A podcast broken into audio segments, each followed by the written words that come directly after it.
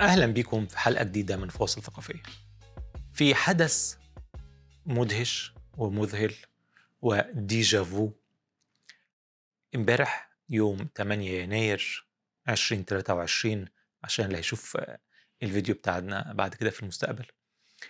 امبارح حصل حدث وكأنه déjà vu وتكرار لحدث 6 يناير الشهير في 2021 في الولايات المتحدة الأمريكية.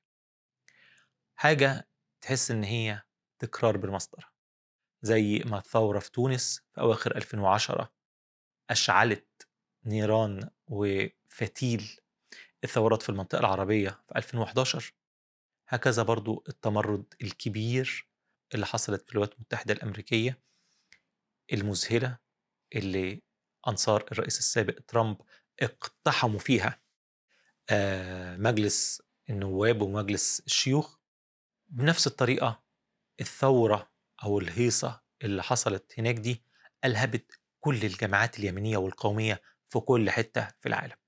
ولعل طبعا البرازيل اللي في أمريكا الجنوبية تحت الولايات المتحدة الأمريكية كان متوقع أن دول أول المناطق اللي تتأثر اللي هم أمريكا بتعتبرهم الباحة الخلفية بتاعتهم. فطبيعي أن الناس دول يتأثروا بالسياسة والأفكار اللي بتشتعل في الولايات المتحدة الأمريكية.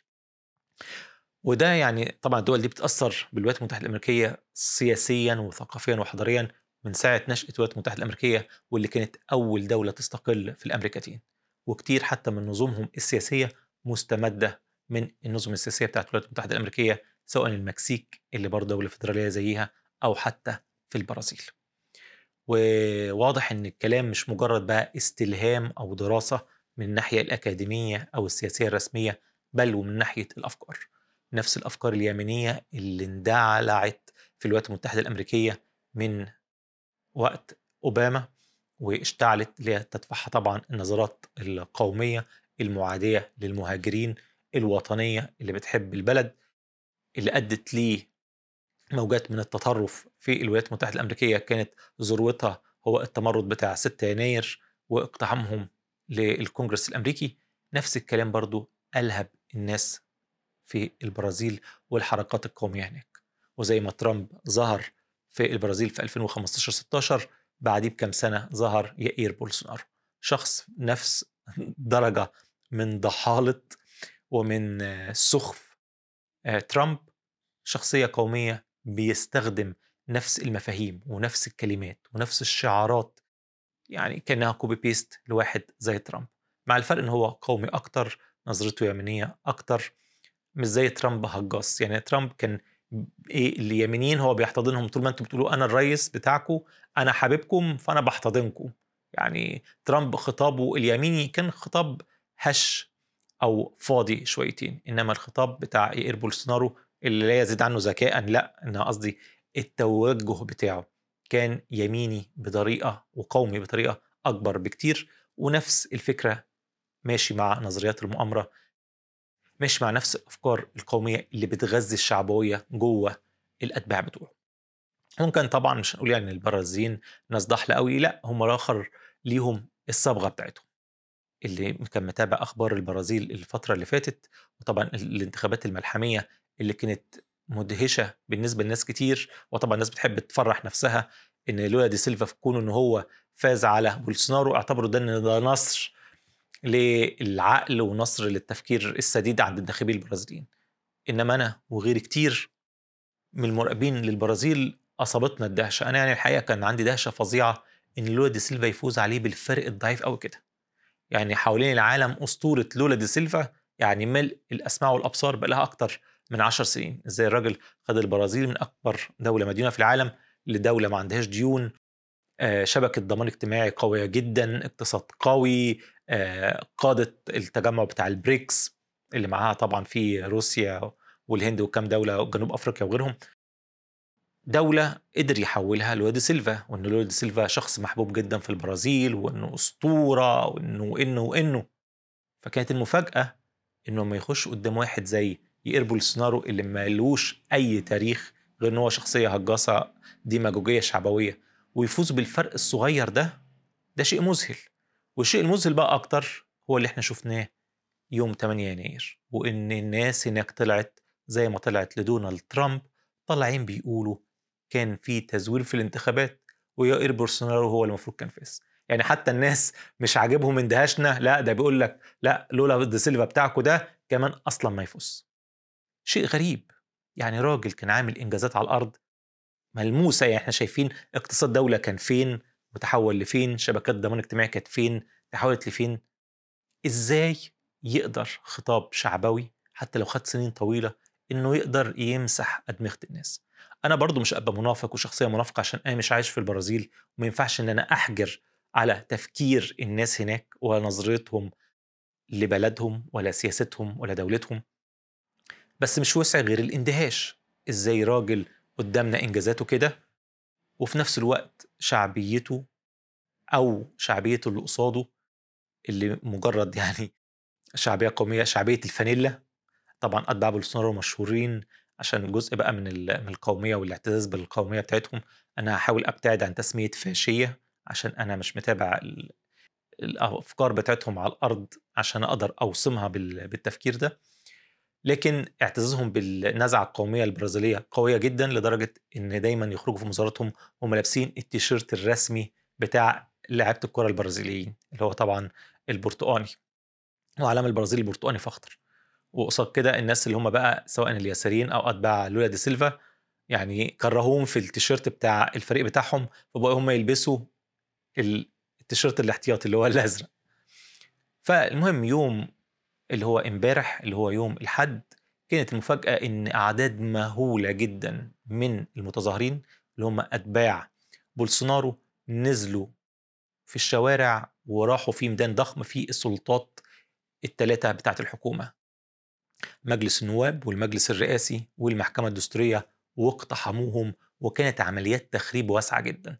دخلوا نهبوا وسرقوا وكسروا وولعوا ورغم إن الدعوات للمظاهرات دي كان بقالها فترة إلا إنها أصابت البوليس البرازيلي بالدهشة وقدروا يعني يوفر تغلبوا عليهم واقتحموا المباني دي كلها ولحسن الحظ إن ما كانش فيه اجتماعات تشريعية في الوقت ده ولا ولا كان الرئيس موجود في القصر الرئاسي.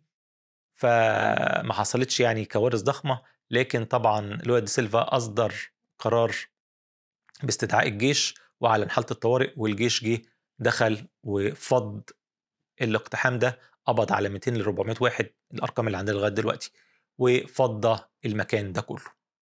فشيء مذهل إن الأفكار فعلا حتى لو تبان ساذجة أو غبية أو سطحية الناس لو آمنت بيها تقدر تمشي وراها وتقدر تنتقل عبر الحدود وعبر الزمن. يعني إحنا في تكرار لحدث حصل من سنتين ما خمتش ألهب مشاعر الناس اللي في البرازيل وقرروا إن هم يجربوا ويكرروا نفس التجربة بتاعه اليمينيين اللي في الولايات المتحدة الأمريكية. وما همهمش إن هناك في أمريكا اتقبض عليهم وبيتحاكموا وبيتبهدلوا. قال لك لا إحنا نحاول بقى إحنا المرة دي مين عارف يمكن إحنا اللي ننجح بقى. وإحنا اللي نقدر نقلب نظام الحكم. عشان طبعا أنصار بولسونارو طول الفترة دي كلها بيناشدوا الجيش انه يعمل انقلاب عسكري ويمنع لولا دي سيلفا من تولي الرئاسة وطبعا تولي الرئاسة خلاص في أول يناير لا هم عاوزينه ينقلب ويشيله ويجيب يائير بولسونارو أو هو اللي يحكم. فعشان كده إيه برضو بقول لكم إيه حكاية إن الأفكار تبان إن هي ملمسة طبعا مع الفاشية كبيرة جدا. بس أنا برضو مش عايش في البرازيل ومش بتناول الأخبار البرازيلية من مصادر برازيلية فإدراكي برضو للموضوع مش كامل ولا شامل فما أحبش إن أنا أطلق أحكام مسبقة أو أحكام فيها ادعاء بالمعرفة. لكن يبان لنا بقى إن يائير بولسونارو ده بيختلف عن دونالد ترامب هم صحيح هما الاثنين شيلز أو فقاعات كلامية. بالأساس ما فيش أي إنتاج فكري أو آه، سياسي حقيقي على الأرض موجود. لكنه طلع بيختلف عن دونالد ترامب إن هو أجبن منه بشويتين. عشان الراجل خايف من إن يتم القبض عليه أو محاكمته. عشان ملوش نفس الشعبية ولا الحماية اللي موجودة لدونالد ترامب في الولايات المتحدة الأمريكية بفضل القوانين الأمريكية فالراجل قبل ما تحصل المظاهرات دي كلها خلع أصلا وراح استخبى فين؟ في فلوريدا جنب حبيب القلب دونالد ترامب. ليه؟ قال لك عشان ما يتقبضش عليا ما يجيش بقى لولا دي سيلفا يوجه لي الاتهامات ويقبض عليا أنا أهرب وأخلع لغاية لما الدنيا تهدى وأشوف إذا كنت هرجع البرازيل تاني ولا لأ. وبالفعل هو ده اللي حصل. على طول طلع لولا دي سيلفا. إحنا بقى طبعا صورته عندنا دايما ملائكية. بس يعني من متابعتي لبعض تصريحاته في الانتخابات اللي فاتت لا برضه الراجل كان ليه إيه تنج شعباوي كده يساري وكان برضه بيقول كلام كده نص لب حبتين كده برضه مؤامراتي شوية. وأول طبعا لما حصلت بقى الاقتحامات بتاعت أنصار بولسونارو امبارح طلع على طول وقال بولسونارو هو المسؤول وهنحاكمه وهنجيبه وكل اللي حصل ده من ورا دماغه. مع العلم إن بولسونارو ما دعاش للمظاهرات دي أصلا. مش زي ترامب مثلا في 2021 اللي كان شبه دعا عليها صراحة. لا بولسونارو ما دعاش ليها بل وندد بيها. قال إحنا طبعا مع الديمقراطية ومع المظاهرات بس ضد التخريب. وقالها من أول يوم وعلى طول والمتحدث بتاعه قالها. هي النقطة طبعا الوحيدة اللي ممسوك عليه إن هو ما حضرش مراسم اللي هي التسليم والتسلم يعني المفروض كديمقراطية الرئيس السابق بيسلم الرئيس اللي بعديه. لا هو بقى يعني إيه اتقمص وكان شايف إن هو اتظلم وإن النتيجة مش مش حقيقية وإن هو المفروض يكون يفوز بالانتخابات فما رضيش يسلم السلطة وراح هجم البلد. إنما غير كده تصريحاته ما بعد خسارته تعتبر يعني حاجة تافهة جدا وبسيطة بالمقارنة باللي عمله ترامب اللي قعد إيه روج للكذبة الكبيرة إن هو اللي فاز في الانتخابات. لا بولسونارو ما نطقش بالكلام ده. هو طبعا كان بيلمح لكده قبل الانتخابات ما تحصل. ان بعد النتيجة لما طلعت إيه كان كده واختفى وساب أنصاره هم اللي يتكلموا ويروجوا للموضوع ده. فالحقيقة اللي يعيش ياما يشوف وياما يتفرج على أفكار وأحداث تزعزع عنده حاجات كان شايفها إن هي مسلمات. يعني لولا دي سيلفا وإيمان البرازيليين بيه كان عندي من المسلمات. يعني ده الأسطورة اليسارية الكبرى في السردية عندنا في العالم العربي.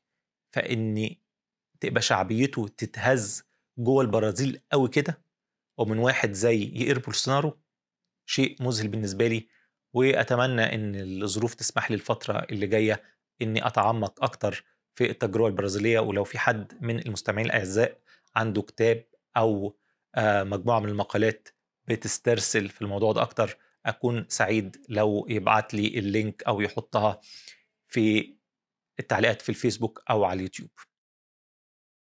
غير كده بس شكرا للاستماع. وكالعادة أحب أسمع آرائكم ومقترحاتكم.